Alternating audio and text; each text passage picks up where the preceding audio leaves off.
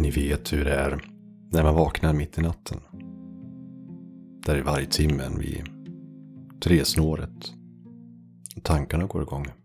Man börjar fundera på ibland ganska underliga saker. Man blir... Eh, alltså man går igång. Man har svårt att somna om för att helt plötsligt blir små saker ganska stora. Så tror jag vi alltid har gjort. Eller så har vi alltid gjort. Alla grubblar någon gång. Platon till exempel, han ansåg att natten det var en tid för att utforska den inre själen och även den andliga världen. Jag menar att den kan man ha för att reflektera över dagens händelse och fundera över livets större frågor. Och i natten så kan man nå insikt och visdom. Han till och med betraktar drömmarna då som ett slags visioner som kunde ge insikt i den andliga världen. Och enligt honom så var själen i drömmarnas tillstånd fri från kroppen. Och kunde uppleva en högre grad av sanning och visdom. Och visst är det skillnad mellan att vara vaken på natten och att drömma. Drömma är det bästa som finns. Man får drömma djupt och länge och spännande. Aristoteles, alltså nu är vi någonstans mellan 300 år 350 år före vår tideräkning. Så det är länge sedan. Men Aristoteles var, han var mer skeptisk i nattens påverkan och menade att den, den kunde leda till förvirring och felaktiga tankar. Och det tycker jag att jag känner igen mig. Sömnen var nödvändig för att återställa kroppen och hjärnan. Men han var också rädd för att drömmar och nattliga visioner som, som man har mitt i natten, att det kan påverka ens mentala tillstånd. Han menar att natten hade en negativ påverkan på oss ibland. Det är svårt att tänka klart på natten eftersom mörkret och tystnaden kunde skapa en oro och ångest som påverkar ens tankar. Han menar att så drömmen också i sig kunde vara falska och vilseledande och inte ge någon korrekt bild av verkligheten.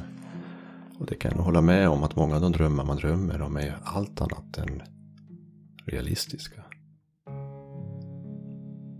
Det finns andra filosofer som Rousseau och Immanuel Kant som har beskrivit natten som en tid för romantik istället och kreativitet och inspiration.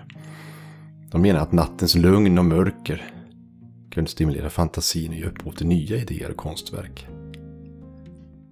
Kant menar att under natten som människorna kunde komma på nya idéer och lösningar på problem som de hade funderat på under dagen. Det stimulerade liksom fantasin och gav upphov till nya insikter. Och han menade att det var viktigt att lyssna på sin inre röst. Och tillåta sig själv att drömma och fantisera för att nå nya höjder av kreativitet och intellektuell utveckling. Natten är, tror jag för de flesta, ändå svår. Det kanske är just i det ögonblicket där vi inte har något stimuli alls. Vi vaknar, vi får inget stimuli annat än att vi har våra tankar. Och det är kanske det som är vårt största problem idag. Att vi hela tiden inte ger tid för att lyssna på egna tankar. Och när vi väl gör det så blir de så jobbiga. På dagarna fylls vi hela tiden på med information och stimuli. Inte minst genom våra nya enheter vi har. Kanske en del tar upp telefonen och tittar på natten också. Och där kanske det finns en poäng med att vi stannar till lyssna till våra tankar. Men ge dem inte för mycket utrymme för att förstöra vår nattsömn. Jag vaknar varje natt.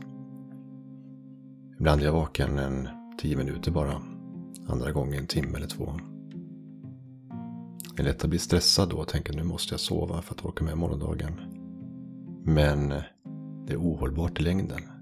Jag får nog luta mer mot Platons och Kants tankar kring drömmarna. En tid för att utforska den inre själen. Man kan fundera över livets större frågor. Och kanske nå lite insikt och visdom.